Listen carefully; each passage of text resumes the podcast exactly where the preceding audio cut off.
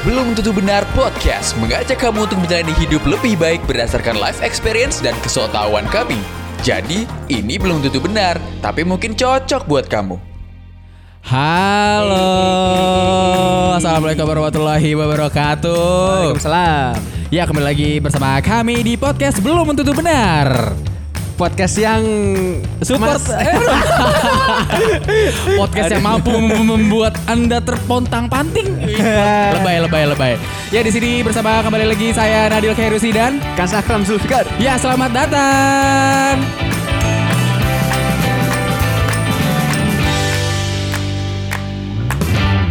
Wih, Iya, di, iya, di, di. eh iya, iya. di episode kali ini apa lu mau apa? Semakin bingung openingnya. di episode kali ini, wih kita ada ini nih cuy Kedatangan tamu yang sering kita sebut-sebut Iya, eh, Siapa itu? Eh, mungkin bisa dijelasin dulu kita hari ini lagi di mana? Oh hari Iya. ini kita lagi di Ya lagi di rumah Apa sih? Iya benar benar. Tadi eh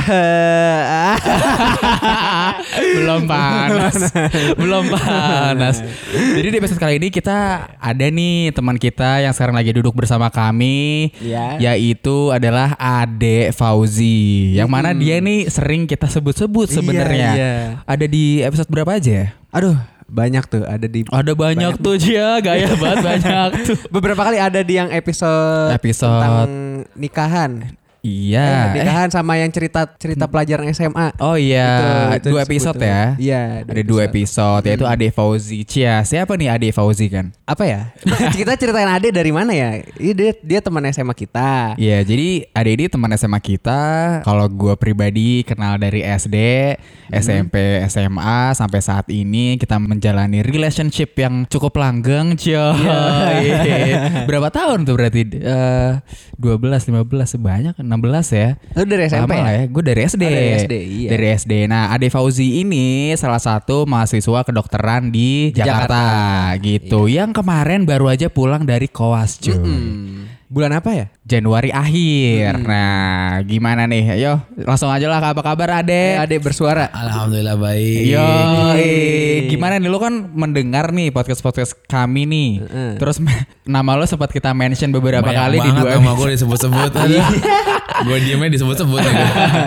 ya kan kita kangen deh, mantap. Iya kita kan udah lama gak ketemu Ade sejak dia Minggu lalu. ya itu ya ya iya technically ya cuma kan waktu itu ya kita udah lama gak ketemu dia sejak dia menikah dan menjalani koasnya gitu. Iya. Eh tunggu tunggu, gue belum kenalin diri gue nih. Oh iya udah kita Eh, persilakan iya, boleh, dulu. boleh. Dikit aja, Kita dikit aja. Dikit banyak-banyak, soalnya udah sering, udah Iya. sering. Kenapa? Ayo dek, gimana? Eh, gue halo semuanya pendengar. Yo, Gue Ade, sebenarnya nama gue Ahmad Fauzi, cuman orang biasa panggil gue Ade karena gue anak bungsu.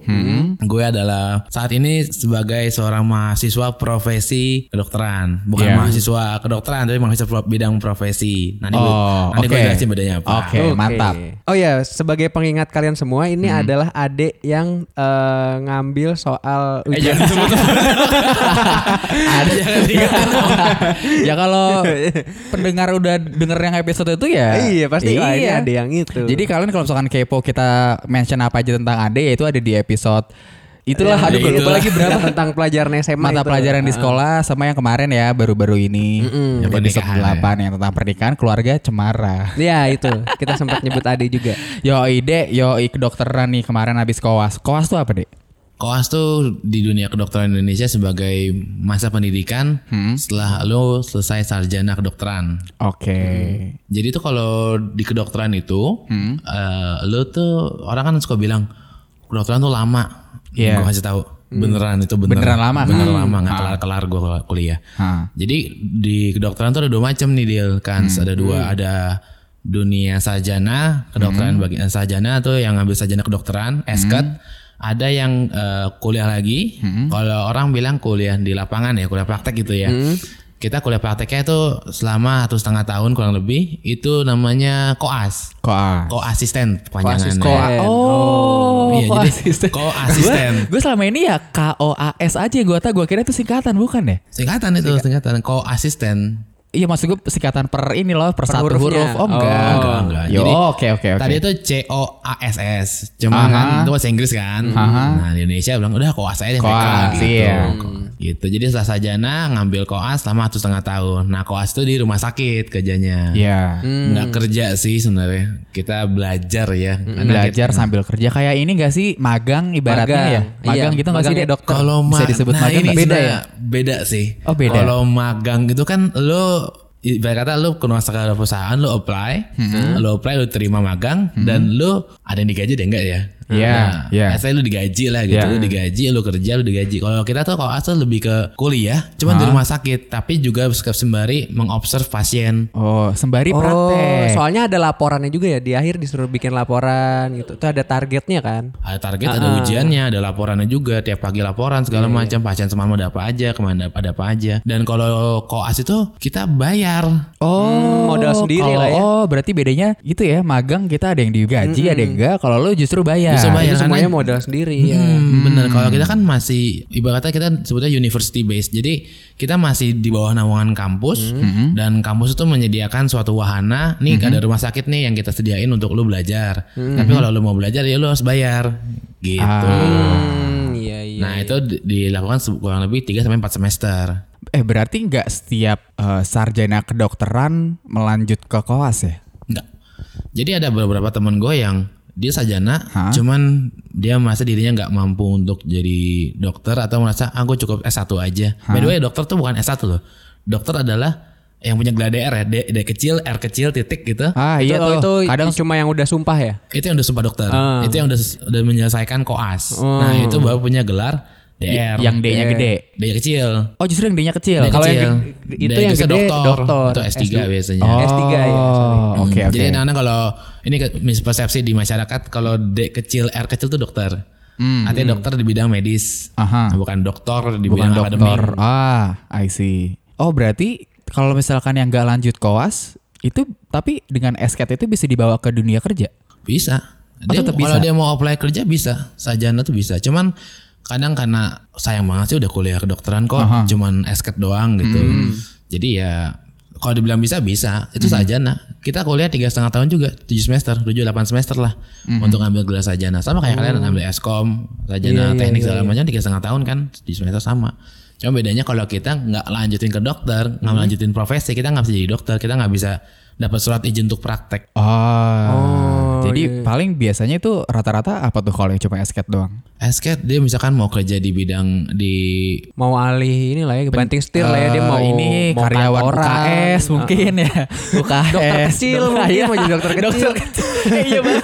Dulu waktu zaman sekolah ada lagi dokter kecil. dokcil dokcilan. Iya dokter kecil ya. Obatnya teh manis. Dokcil. Obatnya teh manis Iya teh manis sama tolak angin ya. Ah, ini masuk angin nih lah. Gak ada itu. apa-apa apa-apa udah minum teh hangat aja Iya. yo. Itu obat segala obat cuy. Gak ya, gak ada itu. Enggak ya.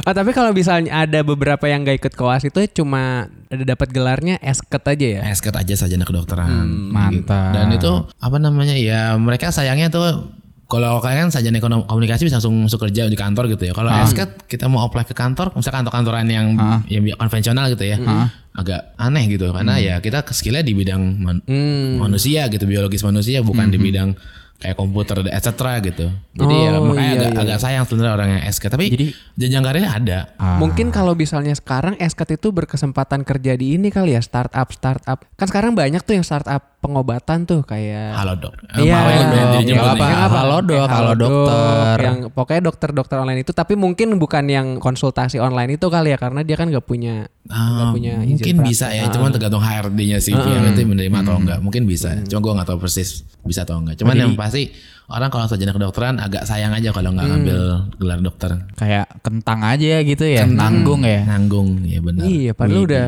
esket tuh. Iya. Bisa Nanggung ya. tuh. Nah tadi ngomong-ngomong soal koas, Wi, lu koas ke mana nih? Jadi gue itu koas ke empat kota. Empat kota, wih, gila. ini cuy, adik world tour. Udah kayak ini. Iya. Gue gue orang Betawi jalan, gue orang Betawi jalan-jalan mulu aja ke jalannya. Yoi. gue itu Ke mana ko- aja tuh? Koas pertama tuh gue di Jakarta. Terus dari Jakarta selama setahun gue pindah ke Cilegon. Mhm. Ke Cilegon gue selama kurang lebih 6-7 bulan nih. Terus pindah ke Serang. Dari Serang. Serang ke sekitar satu setengah bulan. Terus dari Serang pindah lagi ke Garut. Nah di Garut gue cukup lama tuh eh, dua setengah bulan di Garut.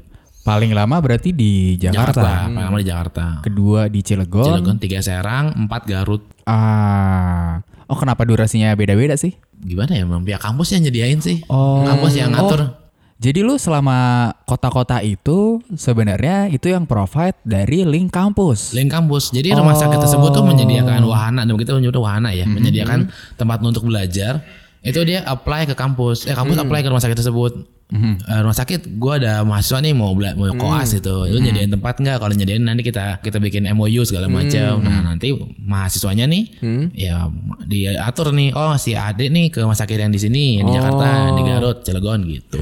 Nah itu kalau koas gitu di rumah sakit, lu berarti ditentu-tentuin kayak job desk-nya apa, tanggung jawabnya apa gitu. Apa kayak karena lo tadi bilang koas sebenarnya juga kayak belajar, apakah ada momen-momen di mana lo kayak ada kelas gitu? Nggak ada? Apa gimana tuh? Jadi job desk koas itu adalah belajar. Jadi yang pertama itu ini jadi podcastnya jadi pasti benar ya belum belum tentu Iya, benar. iya apa? Nggak apa. Untuk Jarang-jarang. ini momen Untuk langka kali podcast ini- kita bener. untuk untuk kali ini ini info-infonya valid langsung dari valid. narasumber Soalnya nih. itu biasanya males riset. Kita tekot aja lah intro tadi. gimana gimana deh lanjut deh. Jadi job desk koas itu pertama adalah wajib belajar. Hmm. Kita belajar gimana sih dokter tuh di lapangan. Kan kalau kita kuliah kan di kampus dengerin dosen ngomong ya Hmm. kan diskusi masalah penyakit tanpa ngeliat pasiennya gitu. Oke. Misalkan ngomongin da- penyakit diabetes. Diabetes itu apa sih? Gitu. Di, kampus, di kampus sih ngerti teorinya. Cuma pas ke lapangan tuh nah itu dia. Oh saatnya praktek nih gitu ya. Oh di lapangan sama di teori beda. Nah itu dipelajarin. Ah, dan pernah tuh yang beda gitu. Lu di teori lu taunya apa, pasien ini bisa seperti apa. Eh ternyata pas lu ketemu langsung, oh ternyata agak beda nih dari yang diteorikan gitu. Ada sih kayak gitu beberapa. Contohnya. Contoh misalkan penyakit-penyakit kulit gitu. Kalau penyakit kulit tuh di buku nih misalkan kita kan ada atlasnya atas atas kulit kan. Ah. Oh di kulitnya atasnya seperti ini.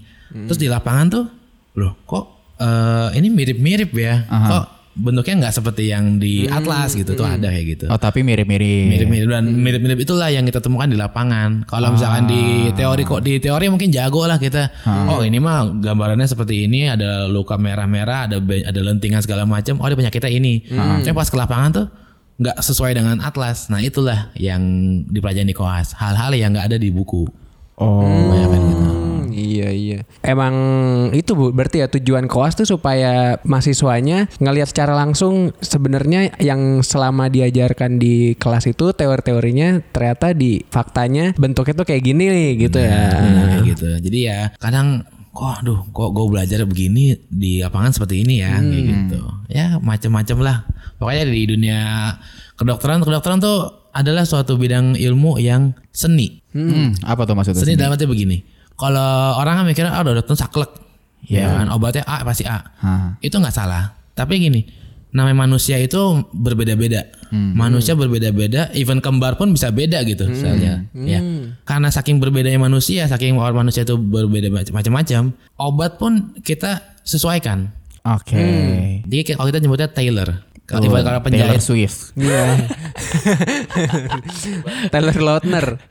iya gitu baru penjahit dia bikin baju buat orang. Nah, ini kita bikin obat sesuai dengan orang tersebut. Misalkan anak kecil, misalkan beratnya sekian kilo, ya itu pasti beda dengan anak dewasa beratnya sekian kilo gitu. Jadi walaupun kita berbeda-beda, kita harus tetap satu ya. Binat Bineka Tunggal Ika.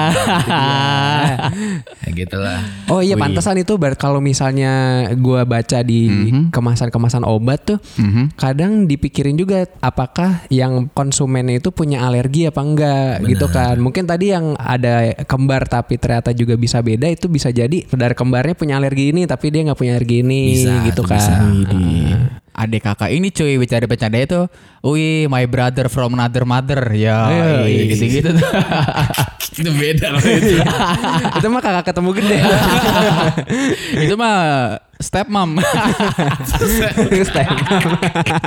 Itu kategori apa ya.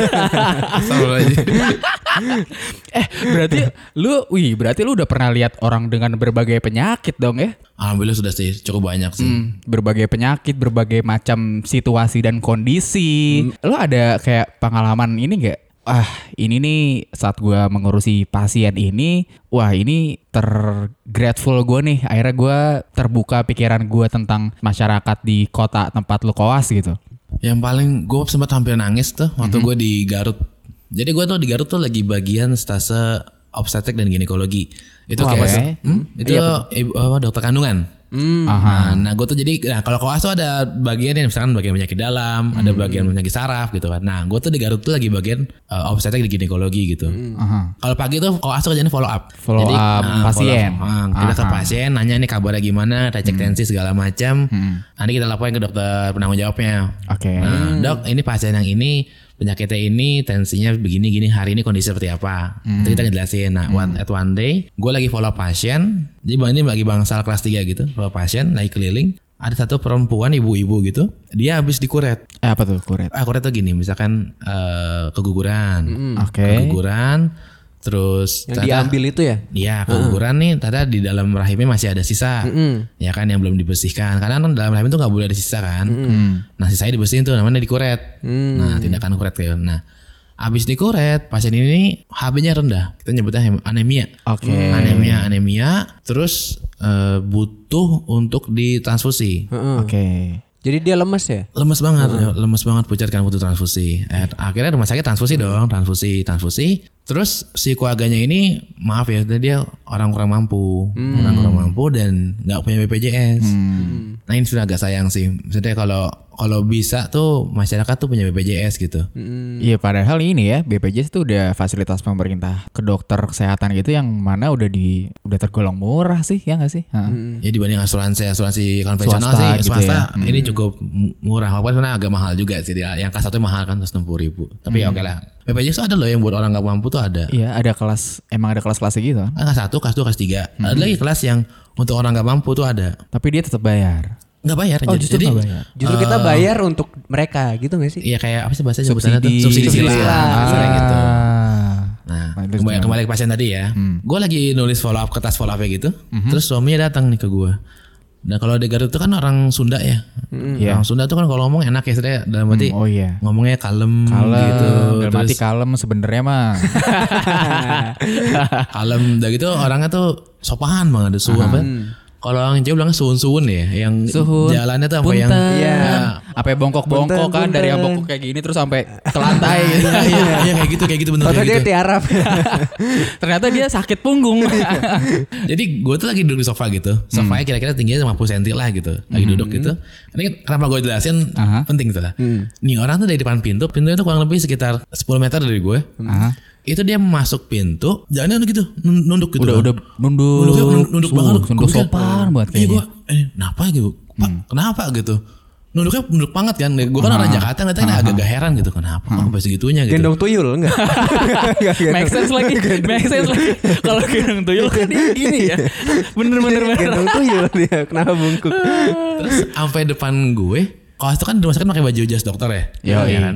Terus dia sampai depan gue, dia duduk, duduk sila dong, duduk di lantai gitu. Padahal ada kursi. Ada kursi, ada kursi. Pak, pak, ngapain pak gitu? Aha. Bilang aja pak, naik aja sini, naik sini gitu. Ngapain duduk gitu? Terus dia ke sebelah gue dia, terus dia ke sebelah gue dia bilang gini, Pak, eh, kayak Sunda gitu, ngomong panjang, gue bilang gini, Pak maaf pak, maaf ya pak ya, Hah. saya nggak bisa Sunda gitu. Oh Terus tapi itu nggak kesurupan kan dia? Ta- Takutnya dia kesurupan kan semua. Aing mau. Iya. Semua setan kan bahasanya bahasa Sunda. Pak maaf pak, saya Sunda. Oh dokter nggak bisa bahasa Sunda. Tapi dia bisa bahasa Indonesia gitu kan. Dia mikir gue orang Sunda gitu. Gue ya. Karena memang lu lagi di kota Kota orang-orang. Sunda. Hmm, Iya. Dia mikirnya gue orang Sunda gitu. Terus dia bilang, dok, saya minta minta tolong dong dokter. Saya nggak punya uang lagi gitu. Istri saya butuh transfusi segala macem. Terus ya kita dari pihak dokter kan, bapak punya BPJS nggak? Gitu. Iya. Kalau nggak punya, diurus dulu ke ke BPJS sekitar gitu kan. Saya nggak punya dok gitu. Ya udah pulang sana. Pulang sana nggak punya duit mau mau bro. enggak lah, enggak lah. Yang gimana gimana ya. gimana? Nah terus nggak lama dia bilang gini, saya nggak ada, saya nggak punya uang lagi dok gitu. Di situ gue bingung kan, ya Allah nggak punya uang lagi. Gue bilang lah ke perawatnya nih perawat peruangannya gitu kan. Eh, teteh kan perempuan kan, teh ini bapaknya ada ada masalah begini gimana? Kayak teteh bilang pak ngurus dulu ke, ru- ke rumah ke RT bikin surat tidak mampu segala macam lah gitu. Gue gak kurang paham sih sistemnya gimana tuh. Terus ya udahlah besoknya nih ketemu lagi sama gue tuh bapak-bapak ketemu. Sehat. Enggak, ya, yang sakit istrinya. Oh iya. Eh, dia kedukun tiba-tiba sehat. Nah terus dia ke istri ke gue lagi besoknya nih dia bilang dok saya nggak nggak dapet dok nggak dapet saya nggak gue nggak ngerti nggak dapet apa terus dia bilang saya izin pulang ya dok gue kaget kan jadi kalau di rumah sakit itu tuh pasien tuh nggak bisa sembarang pulang. Jadi nih Ada ininya lah ya, prosedurnya. ada prosedurnya. Jadi kalau misalkan pasien masuk rumah sakit nih, ya kan dirawat. Nah dia mau pulang itu tuh atas persetujuan dokter penanggung jawabnya, DPJP namanya, dokter penanggung jawab pasien. Oh, maka dari itu kadang kalau lu ke rumah sakit, lu rawat inap gitu, udah boleh pulang belum dok? Belum gitu, atas izin dokter gitu ya. Benar. Dokter siapa? Dokter penanggung jawab. Gitu DPJP namanya. Nah DPJP-nya ini belum ngasih izin pulang. Oke, Tapi bapaknya maksa mau pulang. oke. Ya kan? Kita bingung nih kalau kita jelasin nih Pak, ini ibu HB-nya rendah, resiko tinggi nanti kalau misalkan pulang segala macam. Terus si bapaknya bilang nggak apa-apa, nggak apa dok, saya mau pulang aja gitu. Kita dijelasin Pak segala macam, dia masih kekeh. Akhirnya rumah sakit akhirnya bilang gini, yaudah Pak, kalau bapak emang kekeh, kita pun bingung juga gitu kan kalau kekeh gini. Akhirnya dia buat surat pernyataan kalau dia itu menyatakan untuk pulang paksa. Hmm. Nah, itu ada kayak gitu. Oh, ada ya? Jadi dokternya pun sebenarnya nggak ngizinin pulang, cuma keluarga pasien nih pengen pulang paksa. Hmm. Nah itu tangan tangan tangan tuh kalau dia mau pulang paksa. Di situ gue sedih. Hmm. Sedih kenapa? Ya Allah. Orang tuh mau berobat gitu kan, Hmm. terus dia nggak punya duit tuh sedih banget gitu. Makanya kadang kalau orang nggak punya BPJS tuh, bikinlah BPJS. Iya.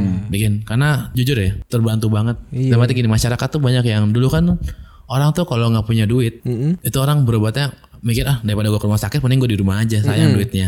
Kalau sekarang enggak mindsetnya, ah kalau gue sakit gue ke rumah sakit. Mm-mm. Kayak gitu. Jangan sampai orang nggak sakit dia malas nggak ngeluarin duit banyak, akhirnya dia berobat ke tempat yang nggak jelas, malah tambah sakit, ya kan? Mendingan punya BPJS, ada punya asuransi lah kasarnya gitu. Dia bisa ngerasa dirinya aman gitu. Iya iya bener sih. Nah, gimana kalau misalkan gue kepikiran nih kasusnya adalah keluarga, misalnya keluarga yang kurang mampu, terus anaknya kecelakaan motor, dilarikanlah ke rumah sakit. Pas ke rumah sakit, otomatis kan emergency jadi udah penanganan dong diobatin gitu.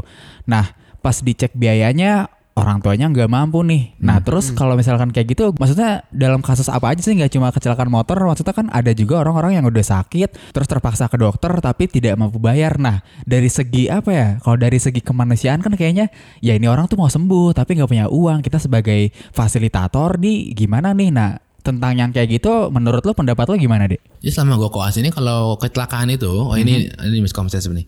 Kalau kecelakaan itu, yang BPJS itu nggak nanggung. Lo yang nanggung siapa? Jasara Harja. Oke. Eh Oh, Jaja Miharja.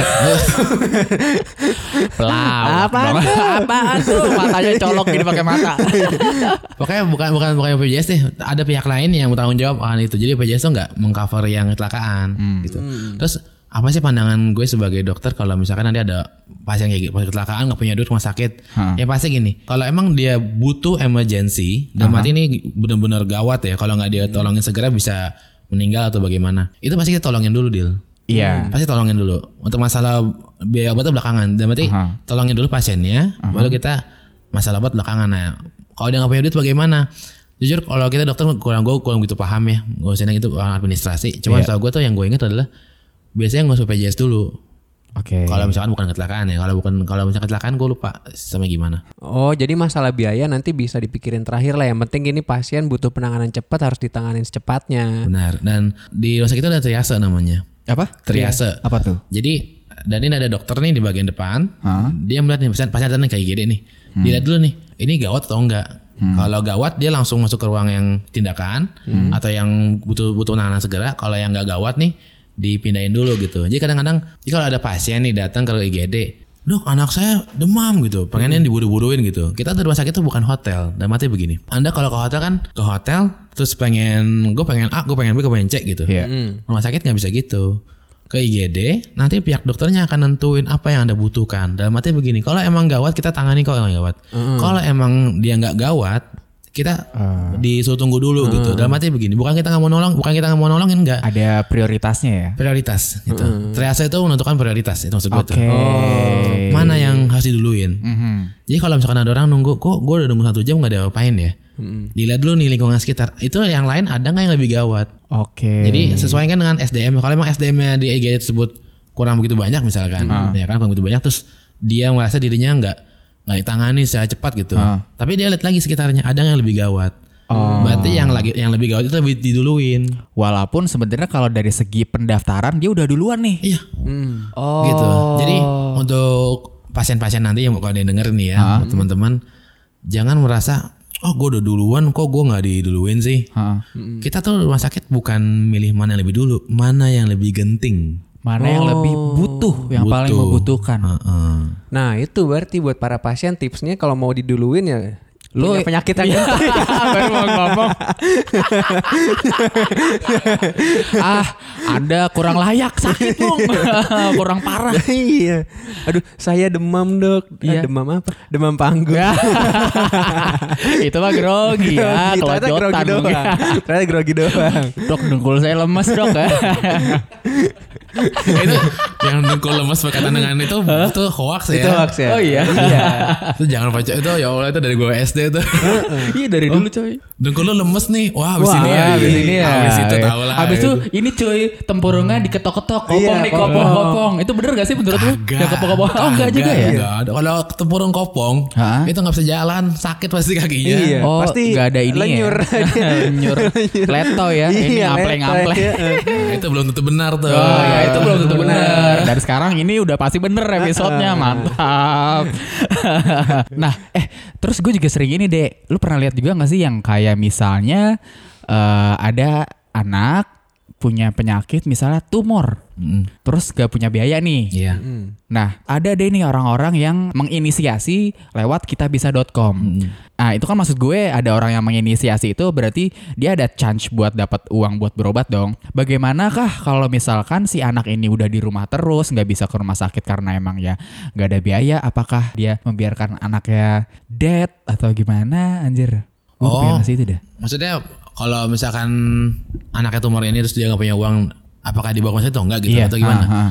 Iya kalau misalkan gini kalau emang punya apa namanya anak saudara yang seperti itu dan emang butuh biaya, bolehlah coba kontak kitabisa.com ya. Oke. Nah, cuma kalau misalkan kalau apakah ditinggalin mati atau Iya gimana? maksud gue iya in real life nih maksudnya ya lu kan lebih tahu karena udah terjun ke dunia itu kan sekarang. Dan maksud gue lu lu pernah denger nggak cerita-cerita yang kayak gitu yang akhirnya orang tuanya tuh saking udah bingung mau ngapain, akhirnya ya udahlah let it go gitu loh. Iya, gue sih nggak tahu kalau Kurang itu ya. Gue gue gue di rumah itu mah sakit itu kan. mah nggak nggak nyampe ke ade berarti Ya, soalnya itu- udah itu lewat dulu Soalnya udah lewat duluan pasiennya iya sih. Oh itu gue gak tahu sih. Cuma maksud gue gini kalau emang punya saudara seperti itu, Hah? bawa aja ke rumah sakit. Ah, by the way kalau misalnya BPJS itu, Aha. kalau emang darurat itu bisa langsung ke rumah sakit kayak gini rumah sakit. Nah ini nih yang agak orang agak suka suka lupa nih. Apa tuh? Jadi BPJS itu sistemnya itu saat ini ya, yang, yang saat ini tuh adalah sistem berjenjang. Wih. Jadi kalau misalnya lo punya BPJS, Hah? lo ke klinik yang dituju di kartu lo. Oh. Misalkan kan kalau BPJS punya kartu kan, ada kartunya kan. Nah, itu iya. misalnya klinik vaskes pertama. Vaskes adalah fasilitas kesehatan pertama. Aha. Misalkan di klinik A. Jadi kalau lo mau ke rumah sakit eh, yang tipe tinggi, itu nggak bisa langsung. Misalkan lo dari rumah nih, aku mau ke rumah sakit yang ini ah, yang yang tipe yang tinggi ah, pakai BPJS tuh nggak bisa. Nah, lo harus ke klinik dulu. Nah ke klinik, kalau emang penyakit lo ini ringan, Aha. Dari sekian ratus penyakit yang bisa ditangani di klinik, lu ditangani di situ. Ah. Kalau klinik yang nggak mampu, dirujuk ke yang lebih tinggi ke rumah sakit. Ah, rumah sakit oke. tipe B biasanya. Tipe B kalau emang nggak sanggup lagi ke tipe A, Kalau sampai nggak sanggup lagi, ke provinsi. provinsi. Provinsi. Jadi tipe A tuh kalau nggak sanggup ke bukan provinsi, rumah sakit rujukan nasional kayak RSCM Oke. gitu. Hmm, Biasanya iya, gitu. iya, iya. Jadi nggak bisa orang dari ujuk-ujuk nih sakit misalkan demam nih, sakit demam tipes, oh gue punya kayak SCM kayak BPJS itu nggak bisa. Oh. Kenapa? Karena demam tipes tuh masih masih bisa ditangani di klinik biasa. Kalau klinik biasa ini dia nggak punya ru- ruang rawat inap, dan berarti dia, oh ini harus dirawat inap nih, jadi dirujuk ke rumah sakit yang di atasnya. Oh berarti gitu. nggak bisa sembarangan ya berobatnya ya dek Harus yang sesuai dengan apa yang tertulis di kartunya gitu Benar. Oh, kalau misalkan misalkan lo lagi di luar daerah nih lo kota nih Ah, kalau sakit, gitu gimana? itu bisa, itu bisa. Oh, bisa Itu ya? Kalau itu bisa ada persyaratannya gue lupa, cuman itu bisa. Oh Nah, BPJS. Wih, terus lo selama koas ini berarti lo udah pernah lihat yang kayak operasi, aduh pakai celik celik celik. Gue yang mana operasi tuh gue denger suara guntingnya itu gue udah ngilo gitu loh. Uh, berarti lo udah terbiasa ya? Alhamdulillah sudah sih. Jadi kalau kita tuh koas tuh dimasuk ruang operasi biasanya di koas objin yang misalnya bantu sesar misalkan. Koas bedah misalnya pakai bedah ya. Bedah itu bantu ruang operasi juga. Bedah sama sama THT sih gue waktu itu sama anestesi. Jadi empat empat bidang ini gue masuk ruang operasi. Which is lo nggak asistenin si dokter ini nih. Asisten dan observasi. kadang dokternya minta tolong bantu pegangin ini pegangin itu itu kita pegang. Kita nggak kita nggak kalau koas nggak boleh bantu jadi operator ya. Dalam Iya. nggak boleh jadi yang gunting-gunting nggak Oh. boleh. Kita cuma ngeliat doang. Ini tuh dia pas dibuka perut kan operasi perut nih ya kan? Dibuka perutnya lapor namanya lapor- laparotomi gitu. Dibelek. Nah kita tuh sebagai dok koas yang ngeliat ini. Oh yang ini organnya ini oh, ini organnya ini. Kan kita kan kalau waktu gua belajar kuliah itu itu ngeliatnya mayat. Iya. ya kan? Ngeliat mayat. Dan pas koas itu kita ngeliat yang manusia hidup di bedah. Nah, di situ kita belajar. Oh ternyata organ pembuluh darah A pembuluh darah B tuh di sini di sini. Oh lambung tuh di sini. Oh rahim tuh kayak gini kayak gitu. Oh sambil ditunjukin gitu ya? tunjukin kita. Pernah nggak pas lagi lu lagi ngikut operasi itu, terus pas ditunjuk-tunjukin organ-organ tubuh pasiennya, terus pasiennya bilang ini, "Eh, bisa cepat gak? saya saya udah gatel nih. Gatel nih. Ah, nih aduh, ini apa sih nih? Ngilu-ngilu. Enak aja belajar belajar saya kan nih nggak bisa ngapa-ngapain di sini gitu.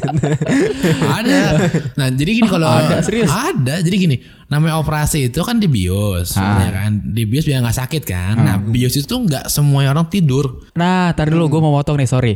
Gue waktu di episode 5 yang kita ngobrol sama Eka Kinan tentang tumor payudara, di situ gue ada sempat mention antara bius total sama bius yang tidak total. Ah, iya. Nah, coba klarifikasinya gimana di Soalnya waktu itu gue bilangnya kalau yang bius total ya dia benar-benar tidak sadarkan diri, tapi kalau yang tidak total itu lu- dia masih agak sadar, cuma ya emang gak sakit aja gitu. Oke.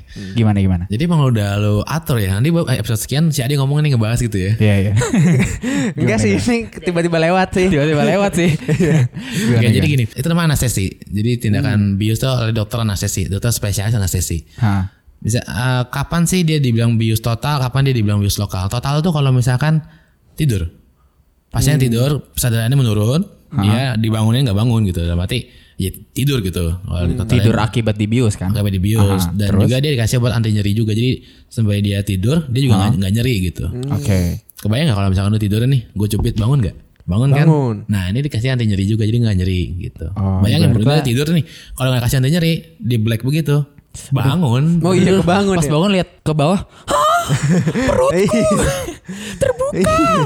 ya kayak gitu. Nah itu bios total. Biasanya kalau operasi-operasi daerah atas ini, yang gede-gede operasi-operasi besar, misalkan kayak cakok jantung dan semacamnya, kayak gitu-gitu makanya bios total. Nah kalau misalkan bios yang tidak tidur, itu bios lokal nyebutnya. Oh, nyawa sebutannya bius lokal. bios lokal itu bios yang dia tuh mematikan saraf yang nyerinya di bagian yang lokal sekitar aja. Oh titik-titik tertentu kalau misalnya cabut gigi berarti disuntik gitu Ah, itu bius lokal. daerah yang dibutuhkan saja. Oke. Karena karena gini bi- namanya bios total itu itu resiko lebih tinggi dibandingkan bios yang lokal. Kalau ada yang lebih eh, mudah, lebih tinggi, rendah resikonya kenapa enggak gitu. Kayak misalkan gigi itu bisa aja di bios total, cuma kan lebih enak di lokal aja. Oke, biar Resikonya. nggak begitu riskan juga Riskan, ya. benar. Nah, dan kalau kan misalkan bisa nggak sih dia ngomong itu bisa. Ibu hamil tuh kasih satu bisa dia ngobrol. Oh. Kadang dokter objin gue suka ngajak ngobrol, bu. Gimana bu? Bu, anak udah bayaran bu. bu makan apa nih? makan apa nih bu besok? Suami sehat. Iya bu, suami sehat bu. Belum nikah saya dok. Wah, Wah, ternyata. oh, sering sih. Bu, emang kayak sering. Iya, Bu. emang itu kerap terjadi bu di kota-kota besar bu. Yoi. Kita juga udah terbiasa bu ngananganinnya bu. Iya kayak gitu lah kalau bios tuh. Oh ya dek, selama lu koas nih, gue sempat denger di beberapa temen gue tuh dia selalu ngeluhin kalau misalnya jaga malam. Nah, kalau misalnya lu nih pernah mengalami nggak tuh jaga malam? Jaga malam pernah. Jadi kalau di kelas itu ada namanya uh, fase jaga malam. Enggak malam doang sih, jaga sore dan jaga malam biasanya. Bahkan ada yang jaga sore dan malam dan pagi. Wah, tuh. kerja Berarti Rodi. full time gitu. Full time, full time Ini koas. Mengenai jaga ini jadi gini, kalau koas itu tuh paginya kita jam gua gua itu paling pagi tuh koas anak itu jam 4 pagi gua udah follow up. Lu bayangin belum belum subuh itu. Belum subuh, belum ada azan, gua udah ke rumah sakit nih jam 4 pagi. Itu gua keliling keliling rumah sakit keliling Bangsal. Dulu dokter gua tuh pasiennya ada ratusan tuh. Dan teman-teman gue dibagi 20 orang gitu kan. Jadi satu orang bisa 10 sampai 20 pasien per per hari gitu untuk follow up gitu. Gue jam 4 pagi ini follow up sampai jam 6, jam 6 keliling sampai siang, sampai sore. Kadang sampai jam 3 gitu. Jam 3 kalau hari itu kebagian jadwal jaga jam 4 biasanya kalau kelas jam 4, jam 4 sampai jam 6 pagi itu 4 sore sampai 6 pagi lu di rumah sakit. 4 sore sampai 6 pagi. Pagi lu di rumah sakit keliling. Itu kalau shift pagi. Eh, Shift shift koas. Sore oh shift ke- koas. Shift koas. Jadi gini, koas tuh ada yang dia jaganya dari jam 4 pagi, eh 4 sore sampai jam 9 malam, ada yang jam 9 malam sampai jam 6 pagi, ada yang jam 4 sore sampai jam 6 pagi. Gua itu dulu yang paling lama itu jaga pas jaga objin. Objin di Garut. Objin tuh apa? Objin tuh di kandungan. Kandungan. Oke. Itu gue jaga dari jam 4 sore sampai jam 6 pagi, jam setengah 7 udah eh jam 6 pagi nih. Di antara jaga itu gue follow up pasien jam 5 dan gue lanjut dinas sampai jam 12. Hmm, oh beda tuh dinas. Ke dinas tuh Beda. ngapain? Dinas tuh kita eh, ngikutin dokternya. Kalau di di koas itu dokter penanggung jawab koas itu namanya konsulen. Konsulen. Si spesialis namanya konsulen. Jadi konsulen gue ini dia itu kalau pagi sampai siang di luar. Nah kalau misalkan malam kita jaga nih. Nanti kita jaga tuh yang konsulen kita pulang nih. Nah, kita laporan ke konsulennya, dok ada pasien ini ini ini, ini by phone gitu.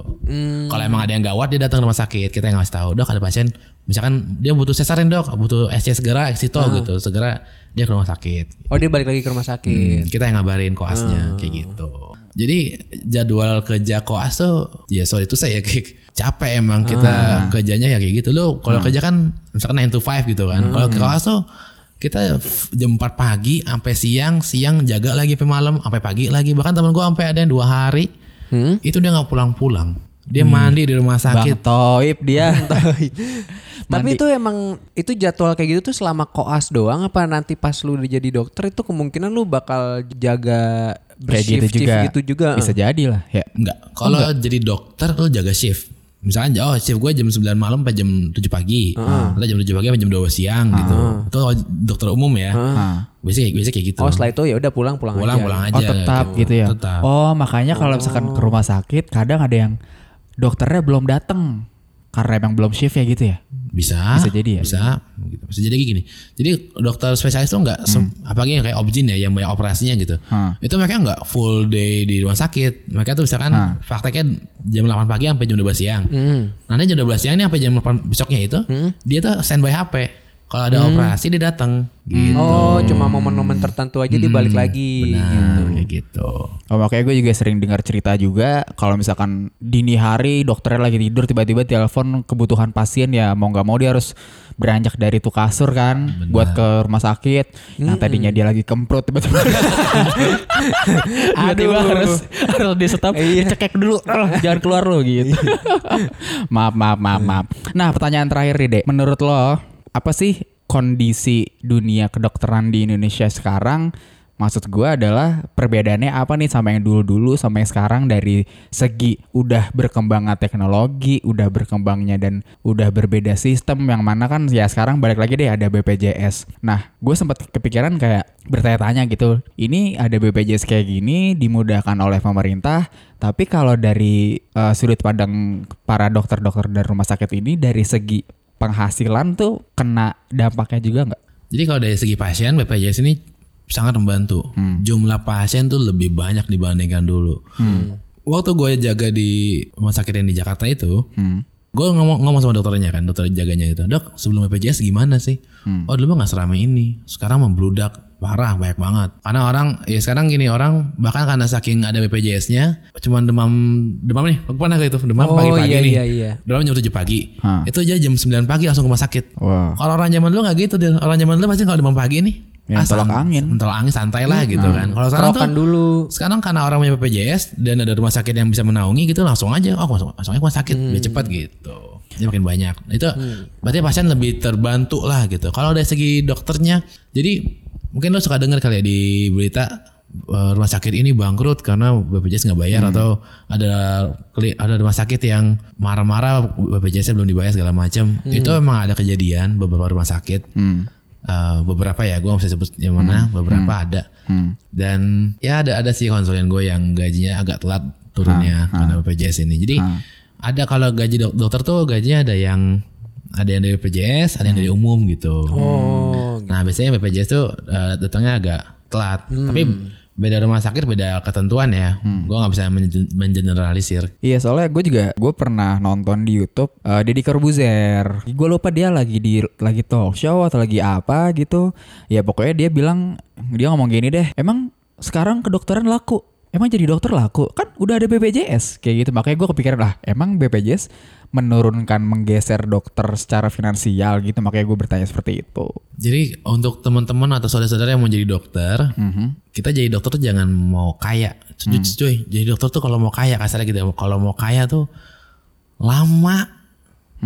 Lama. Tapi iya sih. Nah, mati gini, nabungnya lama gitu. Iya, iya. Kenapa? Kita modal awalnya segambreng. Oh kan? iya iya iya iya.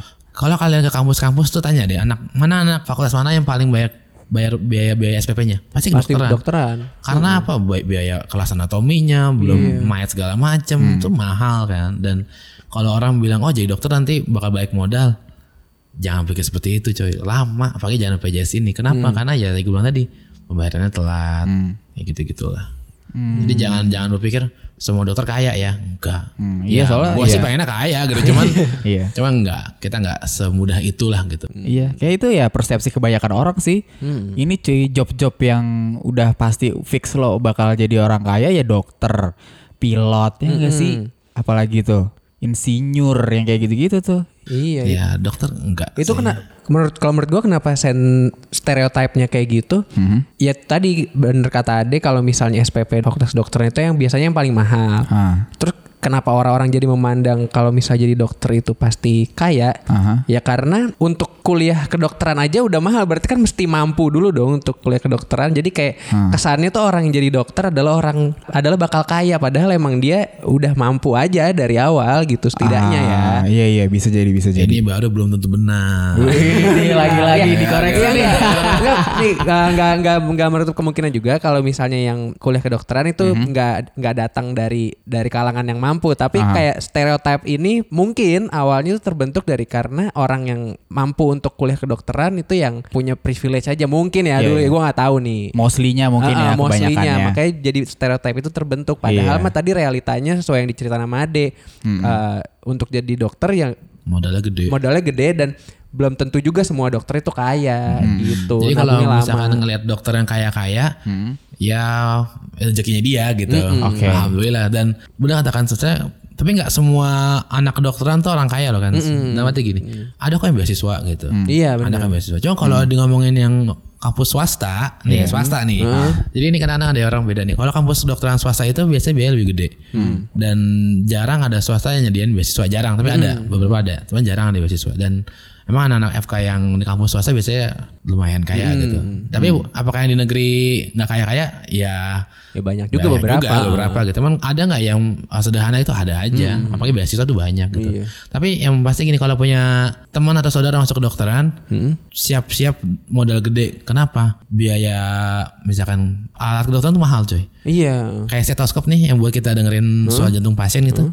Itu paling murah 500 ribu, paling mahal bisa 4 juta. Wow. Dan itu udah punya dari awal gitu. Dan ya Itu yang membedakan adalah jarak dengar ya. Mungkin kalau misalnya yang paling mahal gak usah ditempel udah bisa dengar. gitu juga. Tapi gitu maksudnya modalnya cukup gede emang kalau untuk. Iya. Oke itu. Jadi bener eh, jadi dokter itu belum tentu Belum tentu eh, benar. Jangan dong. Bukan. Dokter belum tentu kaya Iya. sebagaimana stereotip orang-orang. Mungkin dokter yang kaya itu cuma dokter Martin. dokter Martin. itu. Ya, itu, Ya. itu, itu kaya sih. Itu kaya sih. yang punya ya, yang punya. yang beli pun juga ini Iya. ya. Ya udahlah sekian segitu aja dulu deh khusus untuk episode tentang koas kedokteran ini. Terima kasih banyak akhirnya kita Sama-sama. terbuka Iya, terima dan kasih. mempunyai pengetahuan tentang kedokteran, tentang Iya. dunia koas juga ya. Jadi untuk teman-teman sebenarnya ini kita mau lanjut ke episode berikutnya. Iya. Kita ngomongin apa ya? Langsung aja guys, pindah ke episode ke berikutnya. Masih ada adik lagi. Iya dengan Ade lagi. Lanjut, lanjut, Ini- lanjut. Ini dia bintang tamu yang beneran spesial ya berarti ya. Spesial. Dua episode. Dua episode gila. Oke Oke. guys, bye bye. Jaga kesehatan guys. Gimana gimana gimana? Episode kali ini udah cocok belum untuk kamu? Bener nggak? Kalau belum tentu benar, ya dicek episode lainnya ya.